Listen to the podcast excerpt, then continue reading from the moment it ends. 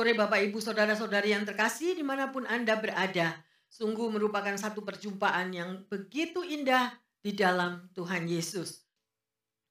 Bapa di dalam surga, sungguh besar kasih setiamu kepada umatmu. Kami boleh merasakan kebaikan-kebaikanmu Bapa yang sudah engkau berikan di dalam kehidupan kami. Dan biarlah kami memiliki hati Tuhan untuk selalu melekat kepadamu, untuk mau setia kepada Engkau, supaya kami boleh melihat kasih dan anugerahmu itu sungguh-sungguh nyata di dalam kehidupan pribadi lepas pribadi. Inilah umatmu ya Tuhan. Sore hari ini kami mau belajar akan firmanmu. Bersabdalah di tengah kami ya Bapa. Supaya kami boleh mengerti apa yang menjadi kehendakmu di dalam kehidupan kami. Terima kasih Tuhan Yesus. Kami terlalu percaya bahwa firman ini akan menjadi berkat bagi setiap kami. Sehingga hidup kami hari demi hari lebih dikuatkan. Di dalam nama Tuhan Yesus. Kami berdoa. Haleluya. Amin. Shalom yang terkasih Bapak Ibu, Saudara-saudari di mana pun kita semua berada ya juga jemaat yang disayang Tuhan. Sore hari ini kita akan melanjutkan pembahasan tentang pengajaran Yesus yang dikatakan melalui keadaan tanah hati kita, ya. Namun kali ini kita akan membahasnya dengan uh, satu perbedaan yang berbeda Perumpamaan ini sangat kaya makna. Sebagai perumpamaan yang menjadi dasar, ia menyimpulkan ajaran Yesus tentang keselamatan dengan tepat dan indah. Mari kita belajar bagaimana keselamatan yang adalah anugerah dari Allah tersedia bagi saudara dan saya melalui iman. Ya. Jadi, ini berarti kita menilai makna daripada iman.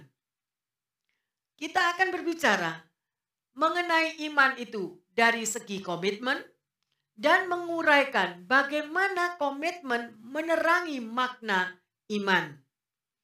Pertama-tama, mari kita tengok unsur-unsur yang penting dari perumpamaan ini. Benih adalah firman Allah dan penabur benih itu adalah pengkhotbah. Yesus sendiri adalah penabur yang pertama untuk apa yang dikatakan dalam Alkitab ini, ya. Benih ini ditaburkan di atas tanah yang mewakili tanah hati manusia. Semuanya sudah jelas. Lalu, apalagi yang dapat kita pelajari lebih dari semuanya ini? Mari bersama-sama kita mau pusatkan hati dan kepikiran kita. Ada tiga hal yang akan kita pelajari. Yang pertama, perhatikanlah bahwa benih itu diberikan oleh Tuhan secara cuma-cuma sebagai anugerah. Ya, jadi benih itu adalah satu anugerah diberikan untuk saudara dan saya. Ia jatuh ke atas permukaan tanah sebagai anugerah bagi tanah tersebut tanah tidak akan mampu menghasilkan benih dan tidak berhak atasnya. Bahkan sebenarnya tidak layak untuk menerimanya. Ya, karena yang berbicara tentang tanah itu adalah tanah hati kita semuanya. Itu yang pertama. Yang kedua, jadi benih itu juga adalah keselamatan Allah yang dianugerahkan kepada saudara dan saya sebagai hadiah bukan hasil daripada jeripayah usaha kita. Ya. Dan yang ketiga, benih juga disebutkan sebagai firman Allah. Akan tetapi, apa makna daripada firman Allah? Yang terutama, firman Allah berarti pesan-pesan dari Allah. Pesan tentang keselamatan, dari apa yang dia sudah korbankan dirinya di kayu di kayu salib. Yesus mati di kayu salib untuk menebus saudara dan saya, untuk memberikan keselamatan di dalam kehidupan saudara dan saya. Sungguh luar biasa. Ya. Dan kita bisa melihat firman ini datang di dalam kehidupan saudara dan saya melalui suatu perumpamaan. Ya. Oleh karena itu di dalam perjanjian lama firman ini juga disebut sebagai terang.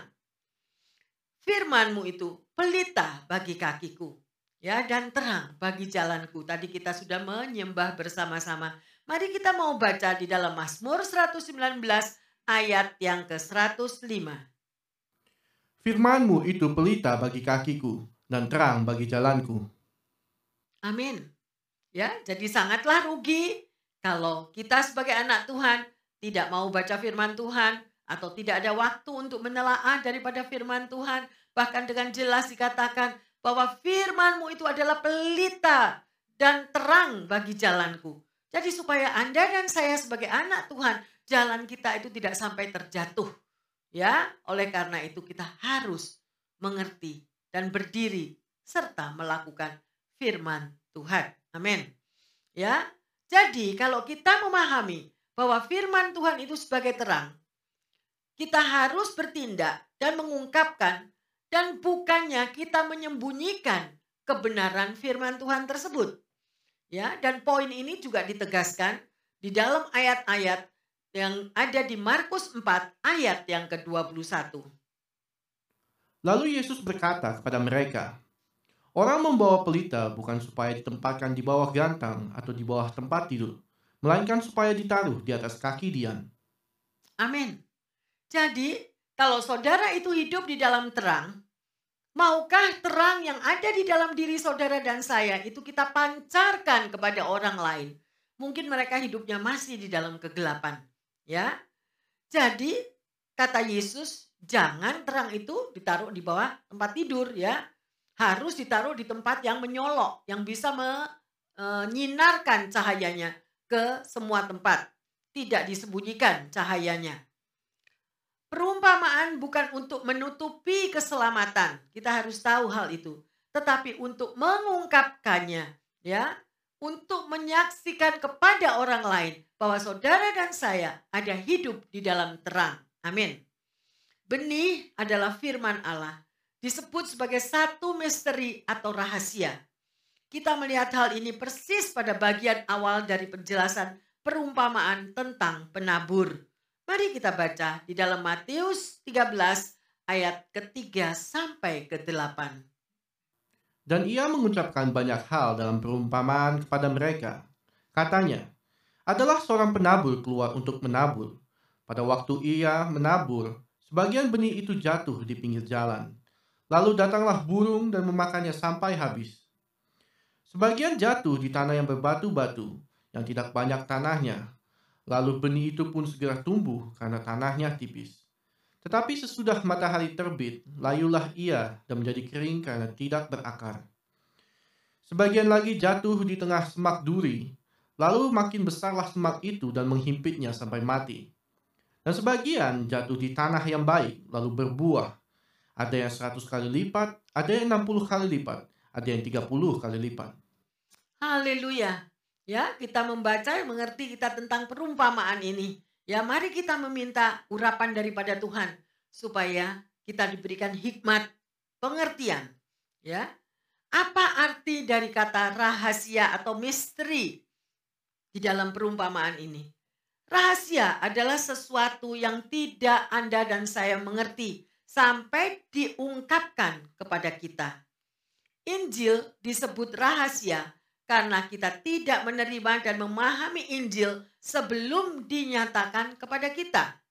Ya, Injil bukan sesuatu yang dapat kita uraikan berdasarkan hikmat dan kecerdasan kita sebagai manusia, eh, lebih-lebih manusia dunia, ya. Anda tidak akan dapat memahami apa yang dikatakan oleh Yesus. Itu sebabnya Yesus disebut rahasia Allah. Firman adalah rahasia. Pernahkah kita membacanya? Allah dapat mengungkapkan rahasianya kepada kita. Mari kita baca di dalam Mazmur 25 ayat ke-14. Tuhan bergaul karib dengan orang yang takut akan dia, dan perjanjiannya diberitahukannya kepada mereka. Amin. Jelas bukan? Ya.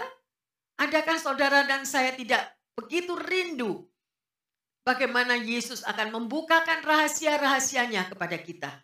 Tetapi kuncinya, apakah Anda dan saya bergaul intim, bergaul karib dengan Dia? Amin. Ya. Segala sesuatu di dalam firman Allah adalah rahasia.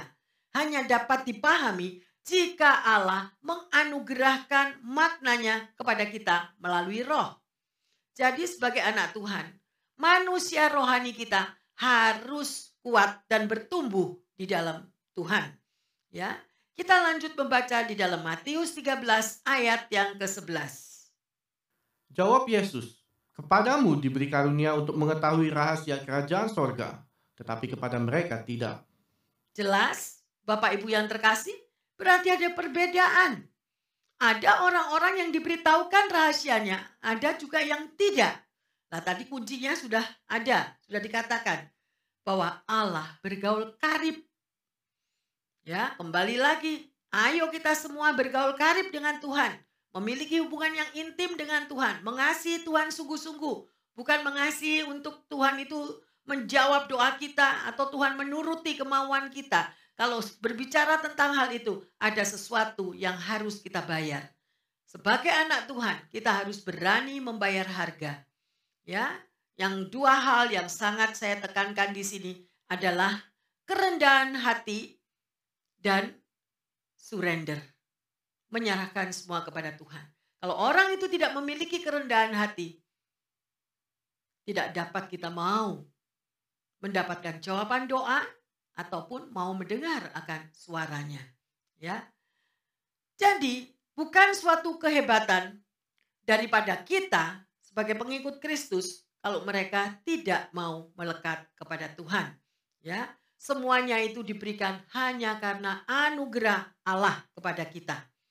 Setiap orang yang berjalan bersama Allah tahu persis apa itu arti dari kasih karunia.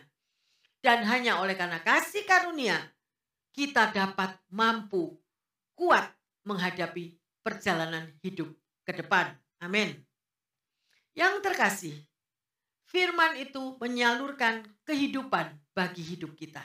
Ya, Yesus dengan indah menggambarkan firman Allah sebagai benih Hal yang spesial tentang benih adalah ada di dalam kehidupan yang terkandung di dalamnya.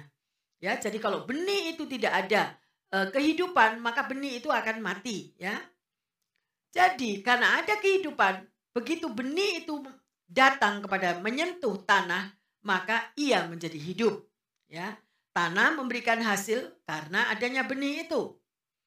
Ini adalah dikaitkan dengan kehidupan saudara dan saya maka dapat dikatakan bahwa saya tidak memiliki kehidupan di dalam jiwa saya ya tanpa kasih karunia Allah.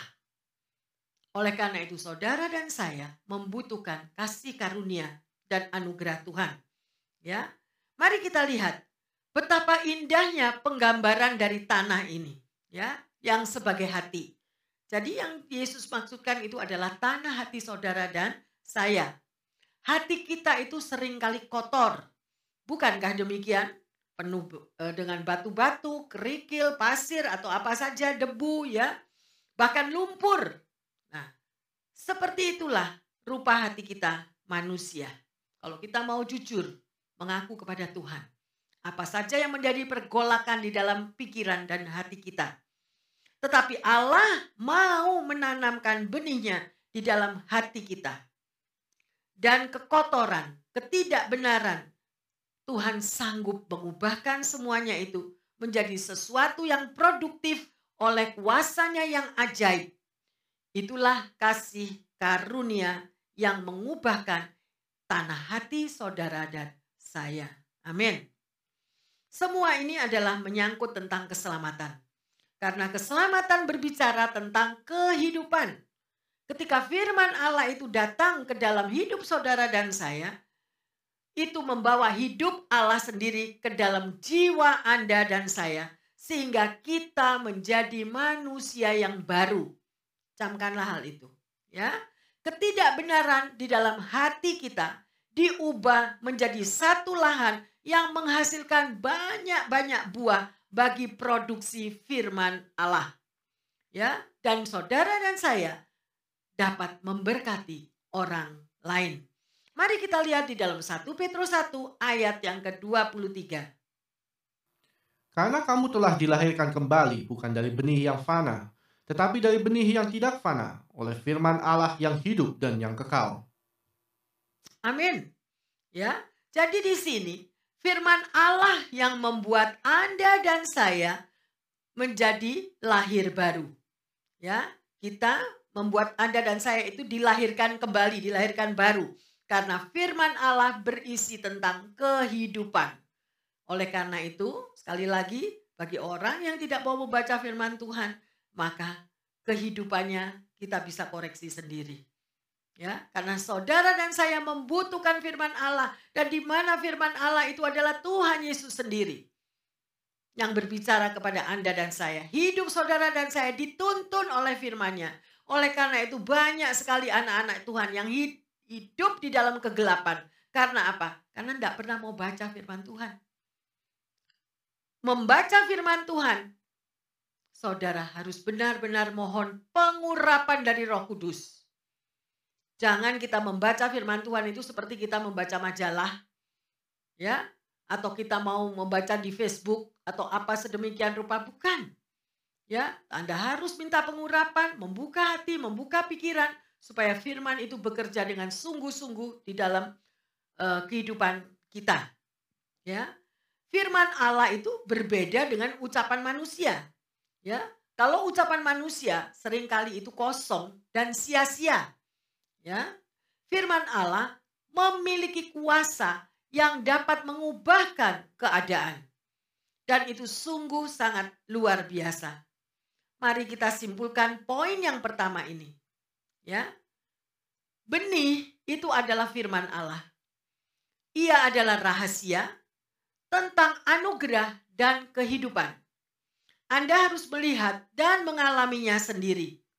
Kita harus mau membuka hati untuk mendapatkan pernyataan dari kuasa Roh Kudus tentang Yesus.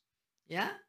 Dan selanjutnya, api daripada Roh Kudus itu akan mulai menyala di dalam hati kita hanya Tuhan sendiri yang menyatakan api pengabdian yang ada di hati setiap orang. Kita tidak memiliki kuasa itu. Ya. Ini adalah kasih karunia Allah kepada saudara dan saya. Dan kasih karunia itu sudah diberikan olehnya. Apakah saudara dan saya sudah menerimanya? Kalau belum, ayo Baca lagi firman Tuhan yang hari ini diberikan, ya. Yang kedua, Allah telah menganugerahkan benihnya secara cuma-cuma kepada saudara dan saya. Keselamatan di dalam Yesus Kristus adalah cuma-cuma. Karena itu adalah anugerah kasih karunia. Tidak ada keselamatan di luar Kristus. Ya, firman Tuhan mengatakan, di luar aku kamu tidak mampu berbuat apa-apa. Oleh karena itu libatkan Tuhan di dalam segala langkah kaki kita. Ya, banyak sekali orang yang merasa ilmunya sudah terlalu banyak, ya, finansial yang udah diberkati luar biasa, mereka sudah tahu semua. Jadi tidak perlu Tuhan. Nah, tapi mereka tidak tahu. Ada firman yang mengatakan, Engkau sudah aku berkati sedemikian luar biasa. Engkau tidak perlu aku, it's okay. Kita cuma tinggal tunggu waktu. Ya, di luar aku kamu tidak mampu berbuat apa-apa. Dan semua apa yang kita miliki, ya, yang kita sudah kejar berpuluh-puluh tahun, semuanya akan hilang, semuanya akan siro, siro, siro. Kosong, semuanya sia-sia. Ya, baca di pengkhotbah. Ya, kehidupan yang sia-sia. Nah, sudahkah saudara dan saya menerima keselamatan itu? Ya, Bagaimana kita tahu kalau Anda itu dan saya sudah selamat? Ya. Dapatkah kita menunjukkan keselamatan itu? Karena itu semua adalah karunia Allah. Termasuk segala berkat-berkatnya hanya dapat ditemukan di dalam Kristus Yesus. Ada amin? Haleluya. Kita tidak akan dapat menemukannya di tempat lain. Kecuali manusia daging, pikiran daging, ya kita bisa mengambil jalan pintas. Ya, saudara mau mau dengan kekuatan sendiri, Anda mau berkat yang melimpah tetapi tidak halal, Anda pun dapat melakukannya. Tapi semuanya itu tidak sesuai dengan firman yang diajarkan. Ya, Allah begitu sangat mengasihi dunia ini, seluruh dunia, sehingga Dia menganugerahkan keselamatannya dengan cuma-cuma.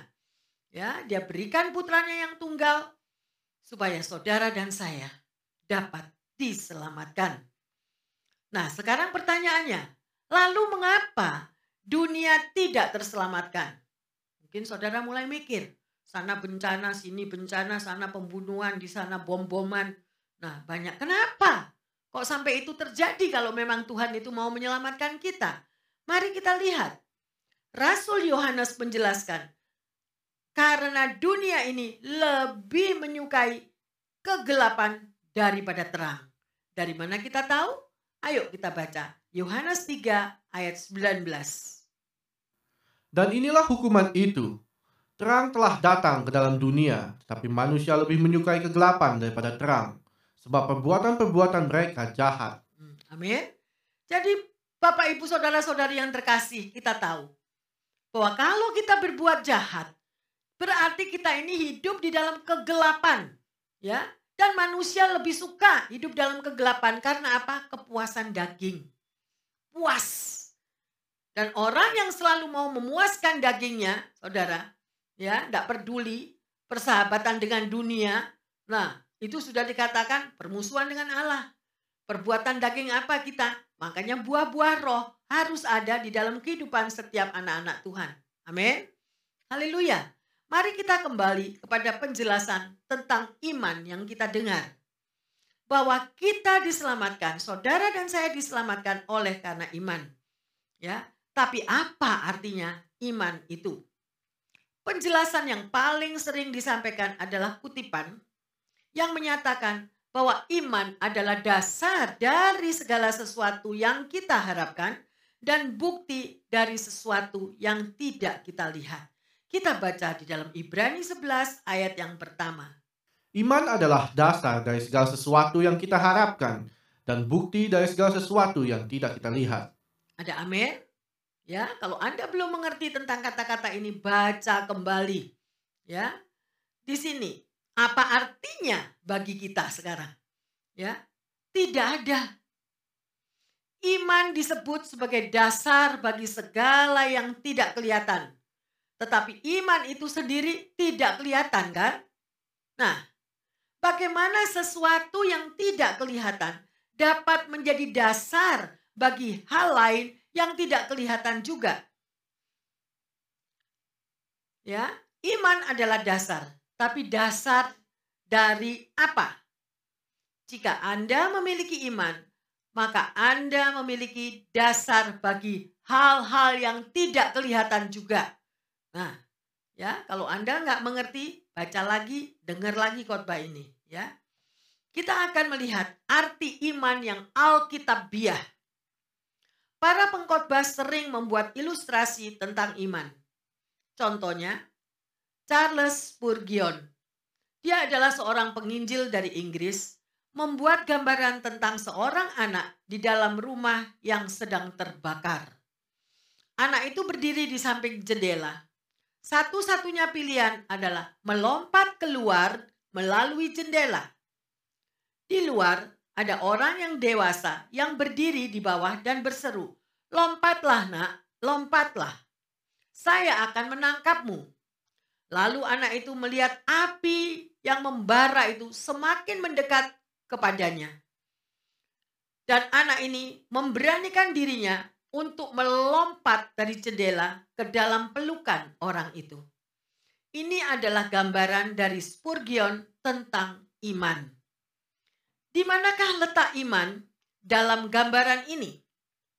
Ilustrasi ini menyatakan bahwa iman adalah sikap dari anak kecil tersebut yang percaya kepada orang dewasa ini sehingga ia mau melompat keluar dari jendela ke pelukan orang tersebut. Ya. Lalu, apa arti kepercayaan itu sendiri? Rasa percaya itu tadi didorong oleh rasa takut terhadap api yang sudah mulai mendekat kepada dirinya. Rasa percaya ini diarahkan kepada orang dewasa yang dianggap sebagai gambaran dari Yesus. Anak ini melakukan hal yang lebih dari sekedar percaya pada orang dewasa yang kuat tersebut. Ya, jika kita bisa bayangkan, jika orang dewasa itu gagal menangkap si anak ini, ya, mungkin akan berakibat fatal membawa kematian atau cacat pada anak itu. Rasa percaya ini melibatkan nyawa sebagai taruhannya. Anda harus siap mempertaruhkan nyawa Anda jika kita ingin berbicara tentang iman yang Alkitabiah. Anda mengerti? Ya, itulah iman dalam gambaran dari Spurgeon ini.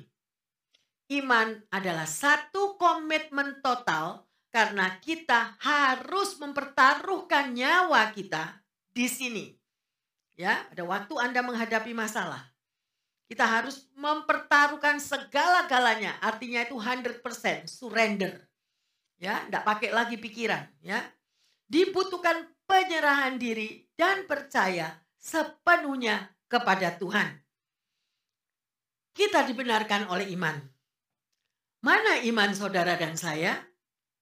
Apa yang Anda pertaruhkan demi Yesus? Pertanyaannya. Saya akan memberikan ilustrasi yang lain yang juga sering dikatakan oleh banyak pengkhotbah. Seorang misioneri menceritakan pengalamannya ketika dia ada di India. Di dalam menggambarkan tentang iman itu supaya Anda lebih jelas lagi. Sewaktu ia di dalam perjalanan menuju ke suatu tempat, ia harus menyeberang melalui sebuah jembatan gantung di atas sebuah jurang yang sangat dalam. Ketika ia menatap ke arah jembatan gantung tersebut, Rasa terayun jauh di atas sungai jembatan itu membuat dari misioneri ini menjadi takut. Dan ia berkata, lupakanlah saja, saya tidak mau menyeberang. Ya, penduduk setempat berusaha meyakinkan mereka berjalan melintasi jembatan gantung tersebut itu bolak-balik dengan mudahnya. Ya. Tapi dia katakan, saya ini orang barat ya saya lebih tinggi dan lebih berat daripada tubuh kalian daripada sedemikian itu maka kalian dapat melintasi dengan mudah. Ya. Tidak begitu dengan saya. Jadikan bukti dengan adanya jembatan itu kuat atau tidak. Kalau si misionari yang gede ini dia berjalan di jembatan goyang tersebut. Ya. Demikian katanya. Karena ia menolak untuk menyeberang, maka penduduk setempat berkata kepadanya, "Baik, Anda lebih tinggi dan lebih berat ketimbang kami. Jadi kami akan menyeberangi jembatan ini sekaligus dua orang." Ya, supaya memperkuat perkataannya itu dia dia mau show, dia mau tunjukkan. Beban kami berdua tentunya lebih berat daripada beban kamu. Ya, oleh karena itu, segeralah dua orang ini menyeberang daripada jembatan tersebut. Dan mereka tidak ada masalah apa-apa. Karena tidak ada lagi alasan untuk menolak. Maka Bapak misioneri ini mengerahkan keberaniannya mulai melangkah meniti jembatan gantung tersebut. Dengan gemetar, ia mulai menyeberangi um, sungai tersebut ya dan akhirnya dia pun sampai ke seberang dia bisa selamat ya dan inilah gambaran tentang iman pada mulanya sang misioneri ini tidak percaya ya, bahwa jembatan gantung itu sanggup menahan berat badannya. Namun sebagaimana yang sudah diberitakan tadi di dalam surat Ibrani, ya. Karena kita mempunyai banyak saksi bagaikan awan yang mengelilingi kita. Marilah kita berlomba dengan tekun dalam perlombaan yang, yang diwajibkan bagi kita. Nah ini sangat baik, contoh yang baik untuk saudara dan saya. Ayo kita baca Ibrani 12 ayat yang pertama. Karena kita mempunyai banyak saksi, bagaikan awan yang mengelilingi kita. Marilah kita menanggalkan semua beban dan dosa yang begitu merintangi kita dan berlomba dengan tekun dalam perlombaan yang diwajibkan bagi kita. Amin. Jadi berarti ada apa? Sebagai anak Tuhan ada apa? Ada perlombaan yang diwajibkan bagi saudara dan saya. Jadi tugas saudara dan saya hidup di dunia ini ada satu perlombaan, jangan lupa. Ya, dan kita mempunyai banyak saksi Orang-orang lain yang mereka sudah berhasil dengan imannya akan bersaksi kepada Anda. Dan kalau Anda pun berhasil menang di dalam iman Anda, Anda pun akan menjadi saksi bagi orang lain. Ya, tapi ada syaratnya. Marilah kita menanggalkan apa? Semua beban dan dosa yang begitu merintangi kita. Mari kita mau mengurangi dosa. Kalau bisa kita sadar setiap hari kita kurangi dosa kita. Dan lebih kita memperkuat manusia rohani kita supaya kita tidak jatuh di dalam manusia daging. Karena manusia daging itu yang akan membawa kita selalu jatuh dalam dosa. Dan itu adalah perlombaan yang apa? Diwajibkan. Jadi selama Anda dan saya sebagai anak Tuhan hidup di dunia ini jangan kita cuma santai nggak tahu baca firman juga nggak mau dan tidak tahu juga tanggung jawab dan kewajiban kita sebagai anak Tuhan. Kita mau diselamatkan dan Yesus mati di kayu salib untuk menyelamatkan saudara dan saya. Ada harga yang harus kita mau bayar. Ya, yaitu apa tadi? Ayo mengikuti perlombaan dengan tekun dan itu adalah kewajiban.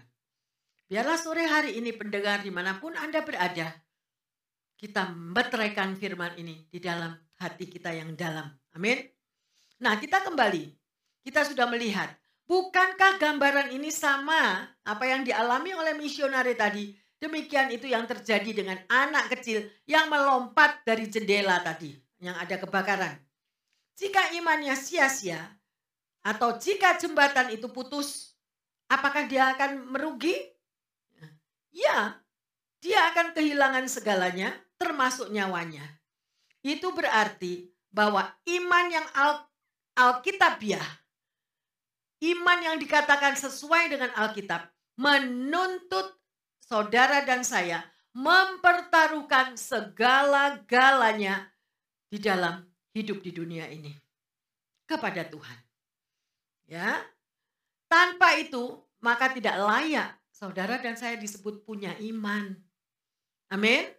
Ya, dan kita semua harus punya iman, berlomba-lomba. Oke? Ya. Jika jembatan gantung itu tidak kuat dan putus, maka ia akan jatuh misionari ini tadi dan mati. Ya, ini dapat dijadikan penjelasan arti apa iman itu. Jadi kalau iman saudara dan saya itu tidak kuat, maka kita tidak akan mampu melakukan apa yang menjadi kewajiban sebagai anak Tuhan. Amin. Jadi jika kita belum berkomitmen secara total kepada Kristus, maka harapan kita, harapan anak-anak Tuhan, harapan Anda dan saya, ya, semuanya itu akan menjadi sia-sia. Ya, oleh karena itu perkuat iman kita. Dan itu hanya diberikan kepada mereka ya yang sungguh-sungguh berkomitmen kepada Tuhan. Memiliki penyerahan diri, melakukan firman Tuhan dengan sungguh-sungguh, surrender, apa yang dikatakan oleh firman Tuhan, kita mau lakukan. Dan itulah komitmen yang sungguh-sungguh di dalam Tuhan. Ya, anugerah keselamatan sudah Anda dan saya terima dengan sia-sia. Kalau kita tidak memiliki iman. Berimanlah supaya anugerah Tuhan yang diberikan itu tidak berakhir dengan sia-sia. Ada amin? Ya. Anugerah yang sedemikian itu hanya diberikan kepada anak-anak Tuhan yang mau bayar harga dan memiliki iman. Karena kita semua sudah dibenarkan oleh iman, yaitu komitmen total kepada Allah ya dan juga kepada sang juru selamat Yesus Kristus ya.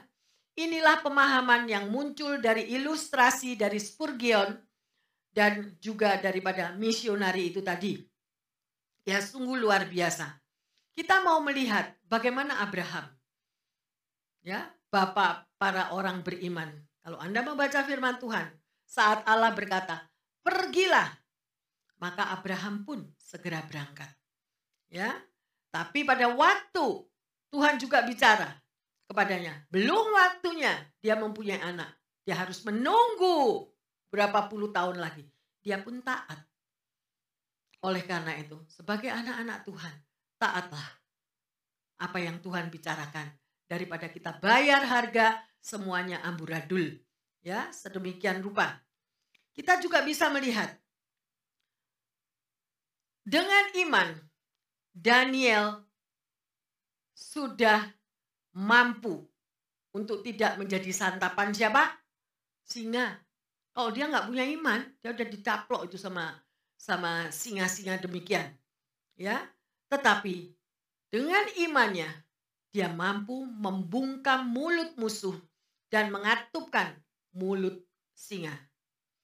Jika iman tidak berkarya, maka sia-sialah apa yang dilakukan oleh Daniel, ya. Demikian juga apa yang ditaklukkan oleh Musa. Saudara dan saya sudah tahu cerita daripada Musa. Demi imannya menganggap segala kekayaan Mesir itu tidak berarti. Ia menolak kedudukan dan kekayaan yang sudah diberikan oleh Mesir serta memilih bersatu dengan umat Allah. Amin. Akibatnya apa yang dialami oleh Musa? Ia kehilangan segala-galanya. Kehilangan kedudukan dan kesemuanya. Ya, apa yang sudah dia pernah miliki di dalam istana kerajaannya pada masa lalunya. Suatu tantangan sebagai anak Tuhan. Tuhan berikan pilihan, Tuhan berikan kehendak bebas. Pilihan di tangan saudara dan saya. Apakah kita mau taat seperti Abraham? Apakah kita memiliki iman seperti Daniel? Apakah kita mau juga seperti apa yang dilakukan oleh Musa? Tuhan memberikan kehendak bebas kepada kita untuk memilihnya. Amin. Ya. Hari ini kita sudah belajar tentang keselamatan adalah sebuah anugerah. Apa yang kita lakukan agar kita memiliki keselamatan tersebut? Apa yang saudara dan saya mau lakukan supaya kita diselamatkan? Ya, Sudahkah kita menerima keselamatan tersebut? Dan maukah kita membayar harga? Berani dengan iman percaya. Sesuai dengan apa yang Tuhan katakan melalui firman-Nya, yaitu dengan tekun dalam perlombaan yang diwajibkan bagi saudara dan saya. Perjalanan hidup belum selesai. Mungkin Anda sekarang mengatakan, Bu Pendeta, saya sudah berumur 80 tahun. Apalagi pertandingan, apalagi yang harus saya lakukan? Yes. Tetapi di dalam sisa daripada hidup yang sudah 80 tahun ini, maukah kita mau tetap berlomba? Melakukan kewajiban kita sesuai dengan firman Tuhan. Tetap berlomba. Ya, sedemikian rupa. Karena itu nanti yang akan dinilai oleh Tuhan Yesus pada waktu kita bertemu muka dengan muka. Perjalanan hidup anak-anak Tuhan itu sungguh indah. One day maybe kita fail. Satu hari mungkin kita jatuh. Ya, kita bukan kalau kita jatuh berarti semuanya tamat. Asal dengan tanda petik kita mau kembali kepada Tuhan dan bertobat. Ya, kalau kita tidak datang kepada Tuhan dan tidak bertobat, ya otomatis kita menjadi orang terhilang. Bapak, Ibu, saudara-saudari yang terkasih. Domba yang sesat memang harus diselamatkan. Tetapi untuk domba yang menyesatkan diri, tidak ada. Dia harus balik pulang sendiri. Contoh anak yang hilang. Ya, dalam perumpamaan karena kita berbicara tentang perumpamaan, anak yang hilang tidak dicari. No. Karena apa? Karena anak ini menyesatkan dirinya sendiri.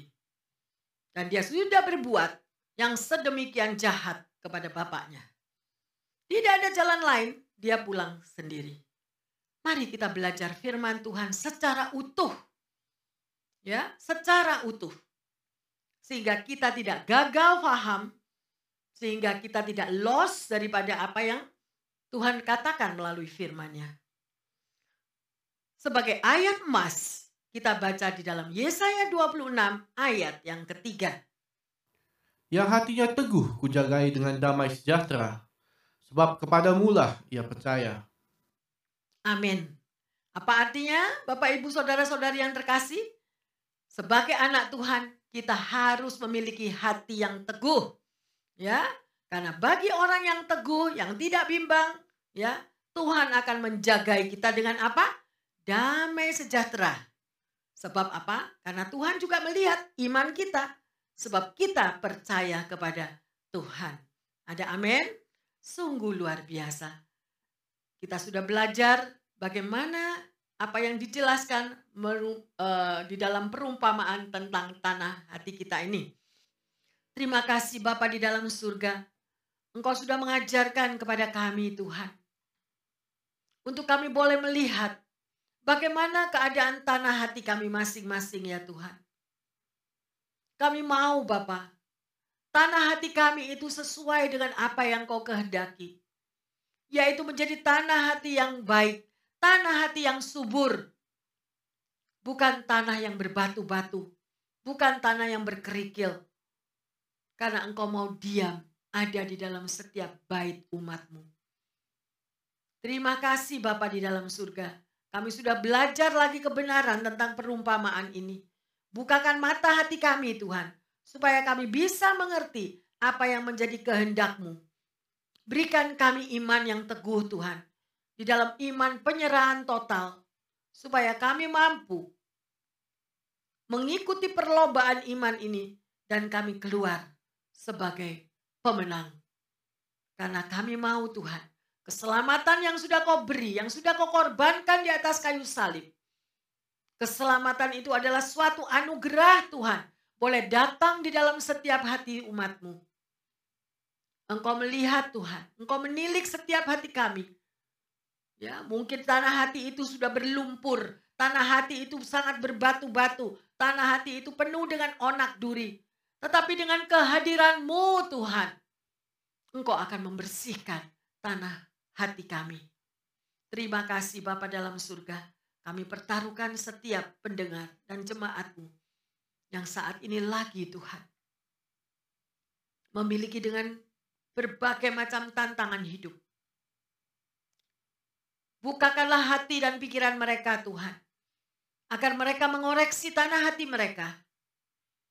Dengan satu pengertian. Agar tanah itu kau ubahkan. Dan kami mau sebagai umat Tuhan untuk diubahkan. Sehingga kami menjadi manusia yang baru. Dan tanah hati kami menjadi tanah hati yang baik dan subur. Maka hidup kami akan menjadi kesaksian yang luar biasa. Terima kasih Tuhan Yesus untuk kebenaran firman Tuhan yang sudah kau berikan di dalam kehidupan kami semuanya. Engkau jamah setiap pendengar di mana pun Tuhan yang memiliki saat ini Tuhan. Ada yang sakit, ada yang berbeban berat. Bahkan mereka yang mengalami kesulitan finansial. Tuhan, hamba percaya Engkau tidak akan membiarkan mereka berjalan sendiri. Engkau akan memberikan kekuatan ekstra. Engkau akan memberikan penghiburan. Sehingga hidup mereka akan diubahkan. Hari demi hari mereka mau belajar akan firman Tuhan. Mau membaca firman Tuhan. Dan manusia rohani mereka akan dikuatkan. Terima kasih Bapak. Terima kasih Roh Kudus untuk firman Tuhan yang sudah ditaburkan pada sore hari yang indah ini. Di dalam nama Tuhan Yesus, kami mengucap syukur Karena firmanmu itu bekerja dengan luar biasa menjadi berkat bagi setiap pendengar dan jemaat di mana pun kami berada. Terima kasih Tuhan Yesus. Di dalam nama Tuhan Yesus kami berdoa dan bersyukur. Haleluya. Amin. Jemaat yang terkasih dan Bapak Ibu Saudara-saudari pendengar di mana pun firman ini berada. Mari kita mau datang kembali kepada Tuhan belajar melalui firman dengan segala perumpamaan yang Tuhan Yesus berikan, maka saudara dan saya akan memiliki tanah yang baru, tanah yang baik, tanah yang subur. Dan selamat menikmati Tuhan Yesus memberkati. Amin.